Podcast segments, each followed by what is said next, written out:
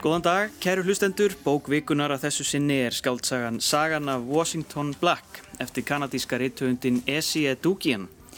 Bókin kom út árið 2018 og í íslenskri þýðingu Ólafar Petursdóttur ári síðar. Sagan gerist á fyrri hluta 19. aldar og fjallar um líf þræla á sigur plantegru á Barbados í Karibahavi. Þar er tilvera þrælana eins og við má búast, hreinasta viti á jörð og ekki skánar ástandið á plantegurinni þegar nýr húsbóndi tekur við völdum. Sögumæðurinn er 11 óra drengur, þrælinn Washington Black. Við húsbóndaskiptin er hann valinn til þess að þjóna bróður nýja húsbóndans sem er sérlundaður vísindamæður. Sá reynist þó vera góðhjartaðri en flestir aðrir nýlenduherrar og með honum og Washington takast vinnabönd. Drengurinn aðstóðar hann við ýmsar rannsóknir og vísindastörf en í grimmúðlegum heimi nýlendu tímans er hverki rúm fyrir vináttu af þessu tægi eins og segir í káputeksta íslensku þýðingarinnar. Sagan af Washington Black er bæði óhugnuleg lýsing á þrælahaldi í Karibahafinu og þroskasaga ungs manns í leitað frelsi og tilgangi. En hún er líka spennandi ferðasaga og andi ævintýra leiðangra franska reytöfundarins Jules Verne svífur yfir vötnum. Essie Edugian er kanadísk og ættuð frá Ghana Hún hefur hlotið fjölmarkar viðurkenningar fyrir sín verk þar á meðal hinn kanadísku Giller Prize í tvígang, nú síðast fyrir Washington Black. Bókin var einnig tilnæmt til Man Booker veljónuna árið 2018 og fjölmörg blöð og tímaritt Vestanhafs sögðu hann að vera eina bestu bókum ársins 2018. Við skulum hefja þessa umfjöllun á því að heyra brot úr sögunni. Skíaskerinn urraði og það brakaði í honum þar sem hann tók í kalana. Vindurinn var heitur og ónotanlegur, hann bar með sér lykt af járni og regni. Ég horfið á dökkan skuggan af tits þegar hann fór að fást við gasgeimin í myrkrinu, tautandi og bölvandi hálfum hljóðum. Hátt fyrir ofan mig hjekk belgurinn dökk mynd af ljósari himni. Tits kallaði á mig að hraða mér og ég klöngraðist upp í timbur og táabátinn. Áratnar tegðu sig eins og fálmarar upp í heiminin og einkennilegu vangirnir fjórir voru eins og brakandi stýri í vindinum. Tits fór yfir rær og skrúur, svo gerðan hlýja á yðjusinni og leita á mig. Ögnarað hans var stilt og undarlegt. Ég sagði ekkert og hann sagði ekkert og í þögn tók hann aftur til við undibúningin. Jæja, Ós, saðan loks. Jæja, saði ég, skelvingur lostinn. Hann saði ekki aukatekið orð og stilti geimin. Há eldsúla reys upp í belgin og efnið fór að titra og hristast. Hristingurinn var voðalegur, tennurnar glömruðu í höfukúpun á mér, ég starði óttastlegin og dálitur á svarta kjaftin sem sogaði til sín eldin. Loftið var mettað brunalikt og reik og likt af logandi ólíu. Lóks hallaði titt sér fram og skar á alla kalana. Allt í kring herði ég kviss í grasinu þegar táakarfan dróst yfir það. Þetta var ógnmönlegt hljóð. Í rökkrinu greindi ég óljóst andlitstrætti tits, augun voru hulinn sorta og allt í móðu en hvítar tennurnar sáist greinilega. Ég fann að mægin á mér kiftist til. Ég ríkjælt í dauðans ofbóði í áratnar á skíaskeranum. Nú fór kvinur um loftið um hverjus okkur. Híminin kom þjótandi á mót okkur. Við vorum að takast á loft. Ég get varla líst sjóninni sem blasti við. Ég sá ognandi heiminin fyrir neðan mig, stóra og rauða ljósglöfu eins og tröllvaksitt auga sem líkst upp. Heiminin var enn svartur þar sem við vorum, en vindurinn bar okkur þegar út af hafinu. Ég horfi á hálf uppskortnar sigureis egrurnar í döfri byrtunni, hvít örin þar sem uppskeru var lokið, þau skinu eins og skiptingin í hári konu. Hvernig var mér innanbrjósts? Hvað upplifum aður í slíkum kringumstæðum? Mér verkeði í brjóstið af ángist og undrun, hún stig magnaðist endalöst og ég náði ekki andanum. Skíaskerinn snýrist hann í jók hraðan og hækkaði flugið. Ég fór að gráta. Þetta var djúpur og hljóður ekki. Ég snýri mér frá tits og starði út yfir endaleysu veraldarinnar. Allt var skuggi, raukt ljós, óveðursblossi og ofsi. Við stemdum beint í miðju hans, heilir á húfi, hólpnir fyrir kraftaverk. Með mér í bók vikunar í dag eru þau Gísli Pálsson, mannfræðingur og reitthöfundur og Holmfríður Garðarstóttir, professor í spænsku við Mála og menningadeild Háskóla Íslands sem hefur meðal annars rannsakað bókmentir Rómunsku Ameríku. Verið velkomin í þáttinn, bæðið tvö. Takk fyrir. Takk. Uh, sögur frá tímum þrælahalds í evrópskum nýlandum eru mjög hryllilegu lesningur og, og lýsa reynslu og þjáningu þræla en, en, en þessi, þessi bók hún sker sig örlítið úr því hún er svona, það, það, það blandast þessi svona ævintýra blær í hana. Það, og, það, og það er svona þessi, þessi sífælda ferðalag á, á sögupersonum uh, hvernig hreyf þessi bók ykkur svona við, við fyrstu kynni? Hvernig svona, þeir eru komin inn í miða bók. Hvernig leist ykkur á þetta? þetta ferðalag? Vel, af því að henni tekst einhvern veginn eh, höfundinum að draga okkur með sér. Eh, það óundirbúna sem gerist í lífi sögupersonunar verður líka eitthvað sem að lesandin er óundirbúin undir og það verður svona þessi e, bæði hrifning og undrun sem að hann upplifir e, og við líka sem lesendur þannig að maður einhvern veginn svona sogast inn og heldur áfram að lesa. Og mér varst eða að bera meira á þessu í fyrirlutaverksins og, uh, og þetta er svolítið, það myndi mig á sko, þú nefndir þarna e, Julie Verne, ég fór alveg aftur í Ódisefs kviðu þar sem að er svona ferðarlag og þetta að nota það form. Og þar sem að hefðu óvanda um, veldur ég að þú lærir eitthvað, þú þroskast en þú þarfst að spyrja þig þú þarfst líka að, að ákveða hvernig þú tekst á við það og uh, það að hann er auðvitað bara 11 ára krakki Já. þegar verkið hefst að þá er einhvern veginn undrunin enn meira mér finnst það svona um, hrífa mig um, með í þennan leiðangur mm. og mér finnst eða höfundi sko takast uh, þetta, þetta ferðalag svo vel mm. eða koma því svo vel til skila mm. Gísli, hvernig? Já, ég, ég tek undi það og hérna mér finnst þetta um, þessi saga renna mjög vel og, og svona góð blanda af af uh, hryllingi og, og ljúfum sögum og, og það er svona við hæfi þegar verða fjallum þrældóm. Ég þekki nú kannski kvímyndaheimin betur en, en skálsögur um, um þrældóm og það er stundum talað um svona tvo póla í, í kvímyndum um, um þrældóm, annars vegar myndir eins og Þelvíjarsa sleif sem var svona ansi, ansi ljót og, og hérna flott mynd en, en, en viðbjóðu þrælahalsins komst uh, vel til skila og, og hins vegar er, það er bandarísk mynd og hins vegar er breska myndin Bell Þar er líka hérna svona óttar fyrir ógninni sem egnarhalda fólki fylgir en, en svona meira á ljúfanótonum og halvpartins ástarsaga.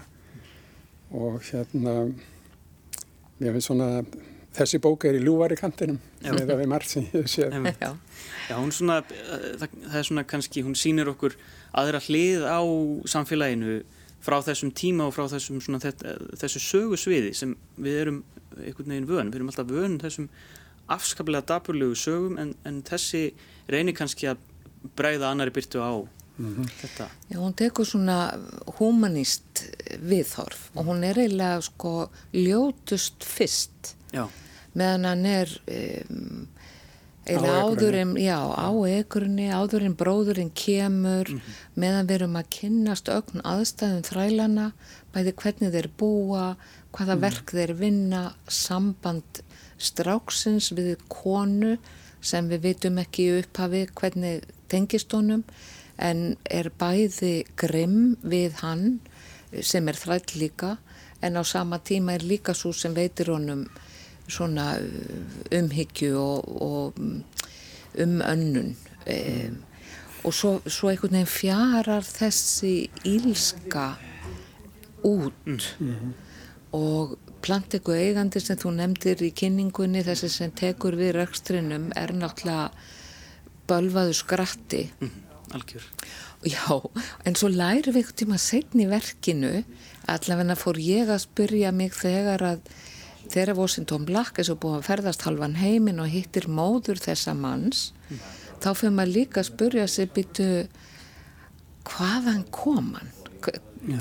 Þessi ílska, hún var ekki bara því að hann var landeigandi og gat látið svona við eh, hérna eh, þessa þræla heldur var líka eitthvað í hans eigin uppruna og upphafi eða eðli, við vitum það ekki sem einhvern veginn gerðan af hann var í alvörunni flón og, uh, og Umfram ill- þetta, já, já. umfram þetta.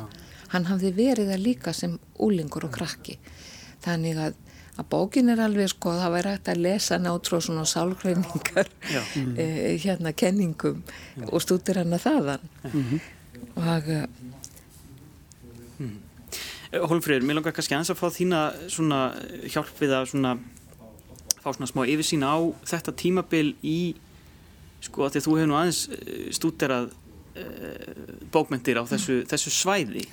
Uh, hefur eitthvað skoðað þetta tímabil, bókmentir frá þessum tíma og reynir að staðsetja þetta í aðeins í, Já. tíma og rúmi og hún náttúrulega sko þetta verk sem við erum að fjalla um er byrjar árið 1830 nákvæmlega. Og það er tölusett. Fyrsti kaplinn er það er tiltekið. Og síðasti kaplinn endar 1900, nei, 1834 og á þessum tíma er verið að skrifa þó nokkuð og eiginlega mikið um e, aðstæður og málefni þræla halds og þræla vestlunar.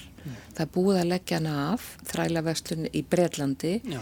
Er búið að leggja af 1807 e, en þræla hald er leift til 1834 og e, í spæns, hinnum spænskumælandi hluta Karabíhafsins og Karibahafsins eru sagt, eh, þjóðirnar eru að öðlast, Suður Ameríkur að öðlast sjálfstæði frá 1810 til 20. Mex, nei, hérna, franska byltingin er búin, bandaríska borgarastýrið er búið og allar þessar hugmyndir um hlutverk mannsins, skipulags, þjóðfélagsins eru mjög í deglunni. Og það eru nokkur verk sem að sem að höfundur versin sem við erum að skoða hefur vantarlega kynnt sér Já. sem eru mjög aðtiklisverð og eitt er æfisaga þræls sem að e, og, og bókin heitir bara eða verkið heitir ef við þýðum þá íslensku sjálfsæfisaga þræls. Og hann hétt Juan Francisco Manzano var frá Kúpu og e, hún kom út 1840 en þessi Manzano kall var sem sagt, hafði verið það sem kalla var húsþræll, hann var semst ekki á ekrónum heldur inn á heimilinu. Hann hafði átt þess kost að læra að lesa með börnunum á heimilinu hann satt með þeim eða var að svona flækjast í kringum þau og hann hafði gefið út ljóð sko alveg aftur til 1820 Þannig að, en, en svo eru líka sko svona hugsuðir, Jose Martí sem er svona frelsis hetja e, eða baráttunar fyrir e, frelsi landa Rómansku Ameríku.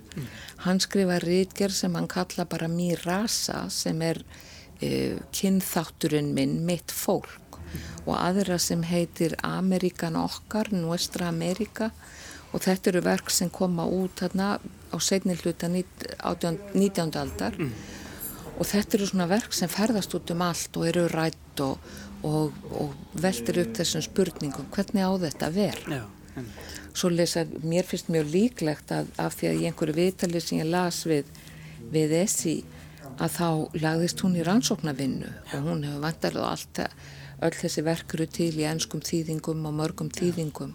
Þannig hún hefur rekist á þessu verk? Já, alveg öruglega því þetta eru svona, svona leiðarstef Já. í þessu, þessari umræðinu um aðstæður Mm. uh, þræla, eða, já, þrælana og svo kemur svolítið aftur löngu setna ný, í kringu 1900 og eftir, eftir byltingun á kúpu Já. að þá verður þetta efni sem er aftur tekið upp mm. og það koma út þó nokkur verk og það aðtiklisverðast að kemur 1966 mm. og er einmitt e, biografía de un cimarrón og það er svona, þá fer mannfræðingur og tekur viðtal við gamla mann sem er á elliheimili mm. 108 ára segir sumstaður, 102 ára segir annar staðar og hans er satt skráir sögu sína mm. og hún er þar að leiðandi Já. aftur á þennan tíma þar sem að þetta sé sagir að gerast. Mm. Þannig að þetta tengist allt. Já, Já. þannig að það fylgta heimildum Já. Sem að liggja til grundvallar og auðvelt er að sko nálgast. Akkurát. Eh, Gísli, svona ef ég beinir spjótanum aðeins að þér þú skrifaðir bók fyrir nokkur árum um, um þræl sem að eh, hétt Hans Jónatan uh, og hún gerist á söpuðum slóðum eða, eða hefst á söpuðum slóðum og tíma og, og þessi bók hvernig, þetta er vendilega heimur sem þú er kynntir vísna vel Jú, já, ég var náttúrulega mig, hella mér í tölvönda lestur og sömuleiti er þetta eflu sami lestur og Hólfríðun nefnir varðar til höfund eh, bókarinn sem við erum að tala um Já. og maður kannski bætaði við að, að þetta er náttúrulega þræla heimurinn er upp af nættfæðingar þannig að Já. þetta eru svona þó að uh, menningarheimur uh, Rómunska Amríku og, og Breitlands ekki er ólíkur sko, þá, þá tengjast þessir heimslutar í gegnum sigurinn og þrælahaldið mm. og uh, Ég sé margt uh, skemmtilegt í þessu hafandi hérna skráðsögu Hans Jónatans og, og hérna Hans Jónatan og Washington Black voru samtíma menn, svo má segja, þó annar væri uppfinning og hinn uh, hold og blóð mm -hmm. Og uh, þeir ólust upp í þrældómi og, og stálu sér fyrir það síðar með, með einum öðrum hætti. Mm voru æfintýramenn og, og upplýðuð ofbeldi og, og það er rómans og, þarra með til gottvanum. Mm. Það er kannski tvent sem ég staðinamist við í sambandi við skáldsöguna mm. og minnir mig á, á umræðuna í, í eh, verkinum Hans Jónatan. Það eru átökum um eignarhald á fólki. Það er náttúrulega kjarnin í, í þrælahaldinu og nákvæmlega hvað er það að eiga mannesku og, og rauk með og móti og, og, og átökinn pólitísk mm.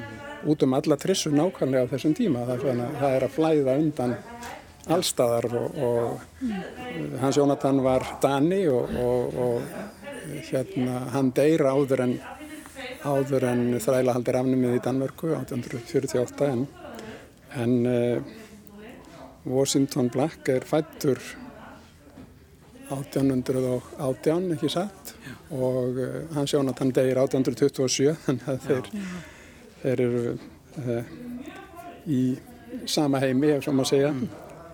um skeið en uh, já, eitt er þetta með, með, með eignarhaldið sem að þetta kemur upp á borðið aftur og aftur í, í því sem að Washington Black heyrir og upplifir það er sko hver á hvern og Og hitt er það sem að, sem að ég hef oft uh, hugsað um er, eru mannanöfni í þrældómi okay. og um, Íslendingar á staðið í tölvörun deilum um mannanöfn og, og lög um það en þrælahaldið er, er, er miklu heitarast af mm -hmm. og Washington, maður má ekki gleyma því sko að titillin á bókinni Washington Black sendir alveg skýr skilabóða mm. Black er, uh, ef ég maður rétt, uh, ættarnafn fyrsta eiganda sögupersonar mm. þannig að hann er sko frá fæðingu kendur við eitthvað sem hann er algjörlega óskildur sem er bara maður sem á hann mm. samkvæmt uh, hérna, reglum markaskerfisins en, en svo í Washington það er uh, eitt af þessum niðrandinöfnum sem þrælar þurftu að sætta sig við frá um, Washington Black frá, hefur verið kallað Washington Black frá fæðingu en, en þrælar sem komu beint frá Afríku hérna þeir í gegnum þess að svo kalluðu miðleið í, í þrælaskipunum þeir e,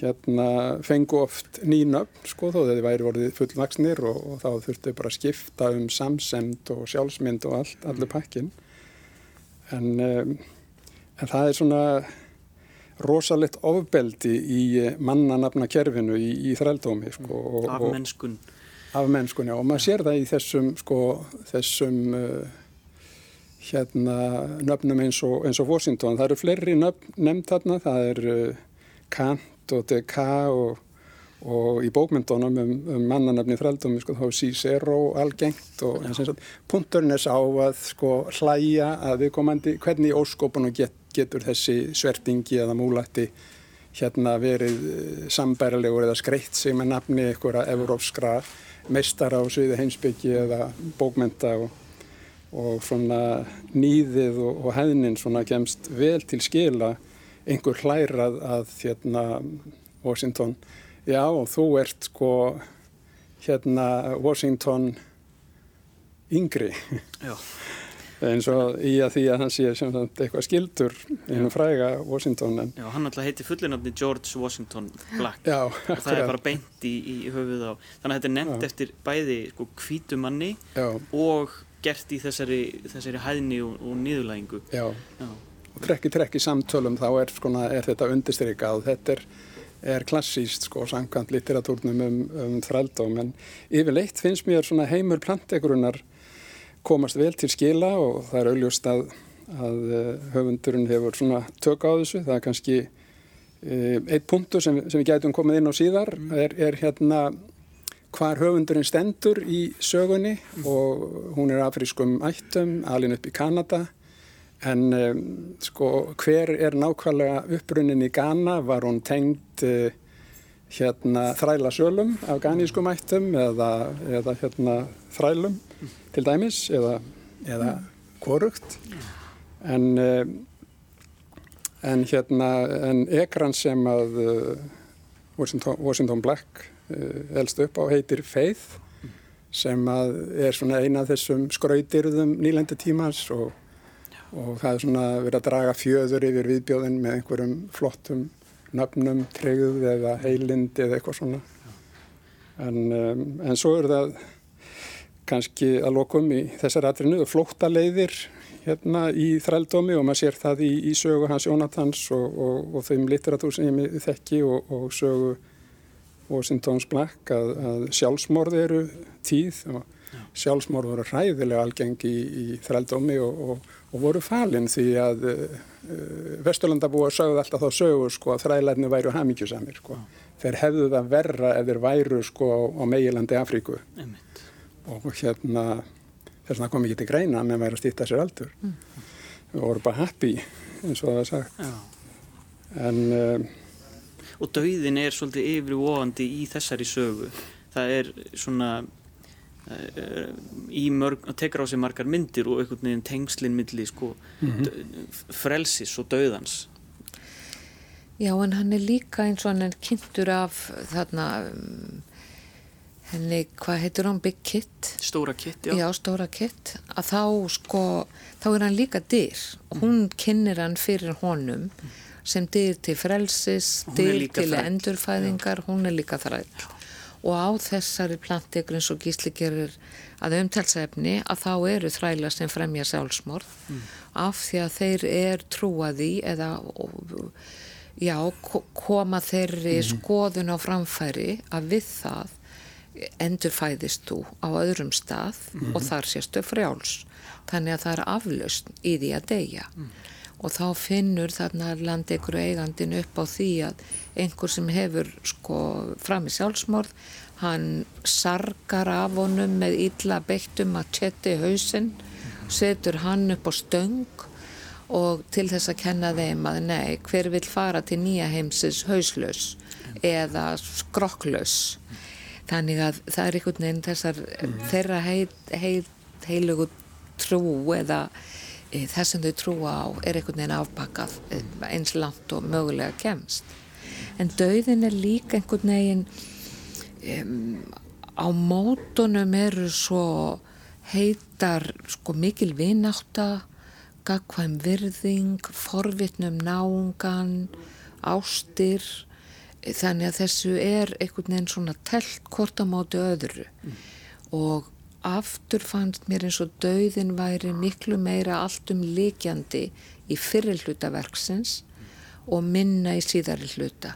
Þó að reyndar hafi allir elst þegar líður á söguna og það eru alls konar bara einhverjar kvestaslega pestir eða e, tannskemdir sem að einhvern veginn er að plaga flesta sögupersonum það er einhver eru annarkvort með einhverja yðra kveisur eða mm. það er eitthvað, einhver veikindi sem að ekki, ekki ræðist við og hún er ekkit að skafa af því mm -hmm.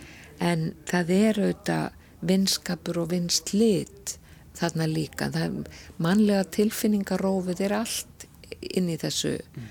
þessu verki og mér langaði svolítið að taka upp þráðin með hérna sem Gísli var með velt upp áðan með sko það er hún sem segir söguna höfundur gerir það í gegnum Washington mm. hann er alveg aðal hann er aðal persóna verksins já. og hann er sögumadur verksins já. líka já.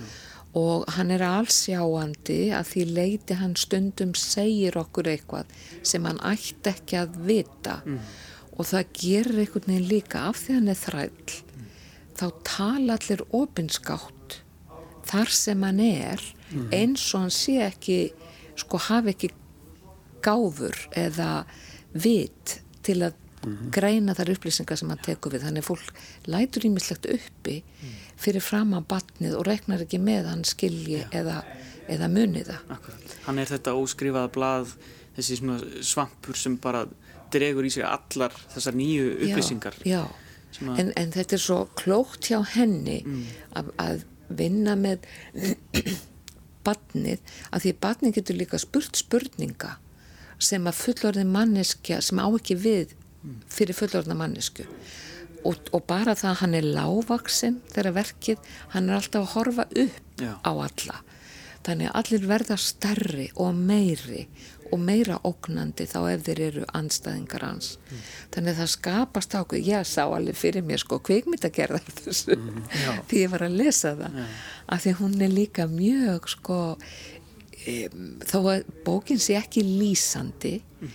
og, og framvindan er hröð þá eru samt eins og allar nötuðum allar lýsingarnar á augum þau eru græn og blá og mm. litlaus svört og lítil það kemur aftur og aftur fyrir einhvern veginn hvernig hann er að reyna að skilja fólk með augnatilliti þeirra og mér finnst hún einhvern veginn taka ímislegt svona varðandi líkamann smáatriði mm. já, já, og gera þeim þannig skil að þau skipta máli mm. í leit hans að því að skilja þennan veruleika sem hann hærist í já. og sem er síbreytilegur og um leið einhvern veginn sjálf hans mm. Þú, þú nefnir hérna eh, framvindu sögunar, hún er, hún er hröð og og hún, hún er svolítið kerða áfram á framvindunni. Það er svona, það er eitthvað nýtt handanu hotnið bara stöðugt. Um, það er mikið um tilvíljanir sem keira söguna áfram. Þeir hitt eitthvað mann sem kemur þeim akkurat á staðin sem þeir þyrtu að vera á og, og svo framvegis er hún að reyða sig of mikið á framvinduna fannst ykkur á einhvern tímbúti þurfa að staldra aðeins við og skoða hvað er bak við þessi, þessi augu eða, eða það sem býra baki hjá hjá personum eða? Mér finnst sko uh, það er auðljósta höfundurinn uh, þekkir svona þrælahaldið alveg í botni eitthvað neginn eins og þetta með, eins og Hólfsvíður segir sko líkamlegu merkin það er augun og uh, þögnin kannski heimilishaldinu og, og það, það er mjög merkilegu hlutur að, að það, eins og hún segir að, að hérna það var oft svona talað yfir hausumótunum á þrælunum eins og þau verið hirnalösir eða, eða döðumbir eða, e, eða látnir jafnvel. Og, og þá hefur náttúrulega ímislegt verið látið flakka og það kom herrónum oft í koll þegar svona fór að hittna undir þrælahaldinu þá, þá voru svona fréttaflutningur um uppreysnir og endanlegar aðgerðir eða eitthvað svona mhm. upp á borðinu sko, og, og þá voru þrælarnir og jafnvel börn voru svona að miðla upplýsingum sem að gáttu skipt sköpum fyrir það hvort að uppreist tækist eða ekki en, uh, mér finnst þetta hérna, Hún þekkir þennan heim afskaplega vel. já, mér finnst það. En, uh, mér finnst að, að sko þessar uh,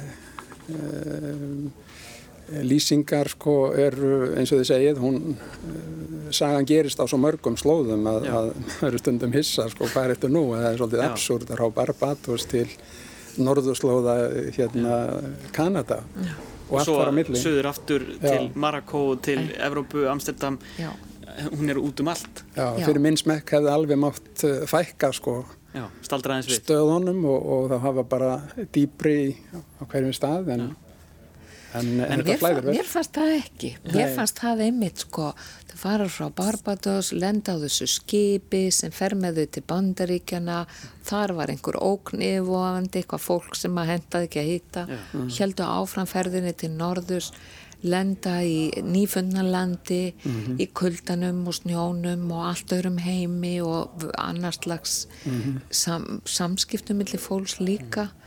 Og svo eins og þið nefnið til Bretlands og til Amsterdam, til Marokko. Og þar í Marokko talar eh, Tiss aftur um það að búa til eitthvað flugfar til að fara aftur til Barbados Já, þetta er svona verandi bróðurinn, sem- vísindamaðurinn Já. akkurat. þannig að þetta er svona ringur Já. Já, og kann, kannski nýtist sko þarna uh, höfundun er ekki bara frá Ghana, menna hún er alveg upp í, í Kanada sem er svona multilingual og, og svona kosmopolitan og, og, og þekkir sko nærveru inn í þetta sem kom aðeins við sögu sem Já. Eskimóar og.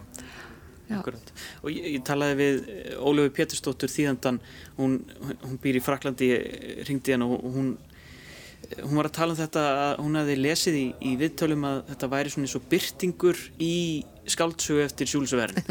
þetta væri svona einhver, einhver svona bræðingur af öllu þessum, eh, þessum skáldsögum, þessum stóru ferðasögum upplýsingatímans. Já. Er þetta, er það Já. alveg sangjörn, Já, ég, er alveg, já, ég er alveg sammálan í því og, og mér finnst það sko takast vel af því að sögupersonun okkar er svo óheðbundin söguhetja. Og, og það og gegnum hana fáum við eitthvað svona nýja mm, nýtt um, hvað heitir mýraða svona sjónarhótt á, á þetta um, á þessa veruleika sem hann einhvern veginn dettur onni fyrir hálfgerða til, tilviljun. Mér fannst það ekki vera sko of margt eða of rætt og mér finnst verkinu takast ágætlega að segja okkur sögu, sögu personanna, auka persona verksins. Já, sem eru margar. sem eru margar og eru allar svona litaðar í einhverjum sérstökum í, í sérstökum litum. Mér finnst mér finnst ég veginn því ég lauk lestrinum og þá fannst mér þekkja þessar svona þekkja þær ágætlega og líka fyrir hvað þær standa Kanski eitt í sambandi við þrældóminn sko, eitt einkennið eru tengslaleysi og óvissa um tengsl. Þannig að mena, fólk veit ekki, þekkir ekki föðu sinn eða móður eða ættartengsl.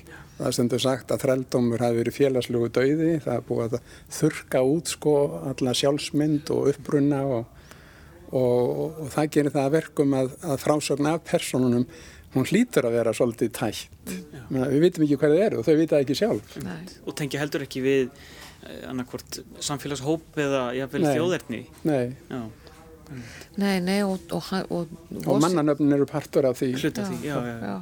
Og Washington er orðin eh, 20 og eitthvað ára gamall þegar hann fyrir átt að skjala sapn og, og kemst að því hver móður hans er Já. og, og það kemur aldrei í ljós hver fadirinn er. Nei, Þannig að, að eh, og hann veit hvort hann er ekki- svartur eða hvítur. Nei, Já. það er aldrei alveg sagt hvort hann er mjög dökkur eða ljós eða, nei, og það, það bætir engu við. Nei.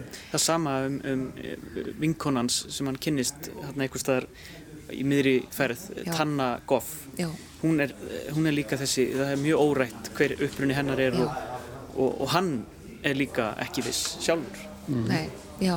Og, og það kemur bara fram að móður hennar lest í baspurði, við kynnumst föður hennar eh, annar vísindamaður sem, að, sem verður á vegi Washington. En eh, já, en hann lýsingar, líkamslýsingar eða lýsi, útlitslýsingar e, á henni eru svona tvíræðar. Já. eins og mér finnst svo margt tvírætt í þessum texta. Okkur er gefið, það er gefið í skinn við sem lesendur erum okkur er látið það eftir að tólka eða ímynda okkur.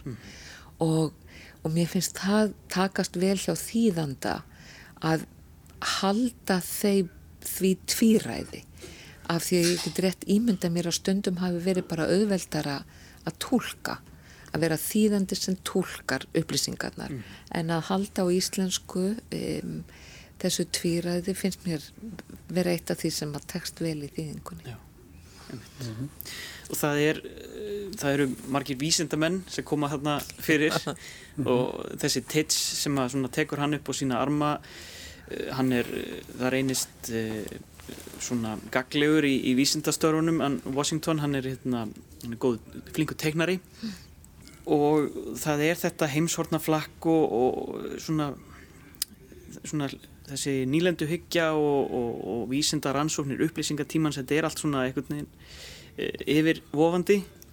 Uh, hafa vísindin sínar dökku hliðar? Af því að, að, því að þrældómurinn og nýlendu hyggjan er líka hluti af, af vísindarannsóknum og, og svona þessu uh, svona að fara út í heiminn og, eigna sér hann og þetta eru svona kannski tvær hliðar á, á vísindunum Já og kannski dökkar af því að sko þeir eru náttúrulega hálf bilaður þessi vísindamenn sem að koma, þeir eru sko einstrengislegir og eh, hvað heitir með svona þráhyggju. Uh, allir, þeir koma þrýr þarna uh, eiginlega fyrir eða einn kemur náttúrulega tvísvar um, bæði Tiss, fadir hans pabbi hérna konunar sem verður svo samferða Washington og svo Tiss aftur í lokin með annað vísindaverkefni. Já. þannig að já þeir eru einhvern veginn svona en á sama tíma er svo mikil ævintýra blær yfir því sem þeir eru að gera. Af því að það er á jæðri þekkingarinnar hann hrifst af því um, verður forvitin og það er líka vísindin sem að eða vísindastarfið sem að eiginlega gerir honum kleift að þróa sína teiknihæfileika. Og það er það sem að svona einhvern veginn í lokin er gefið í skinn, talandi eftir um tvíræðið, að sé kannski það sem að hann muni svo lifa á í einhverju framtíð. Að, að, að leifa því að blómstra. Akkurat. Já, ég held að, að hérna vísindin tengjast ræðilegahaldinu náttúrulega í gegnum þennan viktorianska tíma, sko, þetta er eh, öll Evrópa og, og þar alvegandi nýlendur Evrópu, þetta er eh, viktorianskur kultúr að, að eh, Evrópa er að þennja út sín heimsveldi, brettar, hollendingar og danir og, og svo framvegis. Og, og til þess þarf að skrá alltaf flokka og að mæla og og svo þarf að draga inn síni úr, úr uh, hérna nýlendunum og, og sín, bera þetta á borð fyrir almenning og, og þetta er partur af, af heimsveldi en uh, já, hérna vísindi skipa hérna virðulegan sess í, í þessu verki og mér finnst alveg við hæfi og, og sætýrasafnið er, er skemmtilegt Já. dæmi og eins og Hólfríður segir, sko, það er, er teikni gáfa hérna Washingtons Black sem að eiginlega frelsar hann. hann. Hann verður svona hetja og ræður við flókinverk og sem að koma að gagni í vísindum en, en, en sætýrasafnið er svona það vil svo til að það er var ofsalega svona vinsalt viðfánsefni á, á Viktori tímanum að það þurft allir eiga fiskabúr og, og hérna sapna einhverjum kveikjendum og, og horfa á þau í gegnum gler og mm. gefa það með geta og tryggja súrefnisflæði og allt þetta. Já, og, en, en þó að, að hérna, fiskabúrið sé sko frelsi Washington Black þá er það hérna, fangelsi fyrir dýrin Já. og þau eru í stöðu þrælsins sko, geta, geta sér ekki hreift. Þarna endur speklast frelsið og ániðinn. Já, ég held að, að búrið sé sko metafor fyrir mm þrældómið og, og svo er það loftfarið hérna annað vísindalegt afreg, afreg sem að Tiss á heiðurinn af en, en Tiss en, en, en Washington Black tekur svona þátt í og, og, og þar held ég að, að sko loftbelgurinn er tákn fyrir frelsi og það minnir á, á frjálsafugla mm -hmm. ef þeir geta flóið og hafa vengi og hérna hann flýgur nú ekki lengi þessi, þessi belgur nei þannig að það er svona katastrófisk niðurstaða reyndar en, en hann var allavega mögulegt, hann hefði getað frelsað hann bara í skipti fyrir öll en þá verið sagan búinn En þeir komast allavega í, í, í burtu. Um mitt við erum nú búin að eh, hérna, fara yfir ímislegt en við náum til miður ekki að komast lengra. Þetta er, þetta er að vera búið hjá okkur en þetta er áhugaverð bók. Algjörlega, já, já, já. hún er það mjög. Já, bæðið sem bókmyndaverk en líka sem svona söguspeil inn í tíma sem er okkur ekkert mjög kunnun út í dags en, en henni tekst mjög að fletta þetta tvent saman Já, fín þýðing fannst mér Já, Svona hafa það bara loka orðin þeir sem hafa áhuga og vilja kynna sér þá heitir sagan Sagan af Washington Black eftir Esi Edukian. Þá er bók vikunar lokið þessu sunni. Við verum hérna eftir, eftir viku. Takk fyrir að hlusta. Verðið sæl.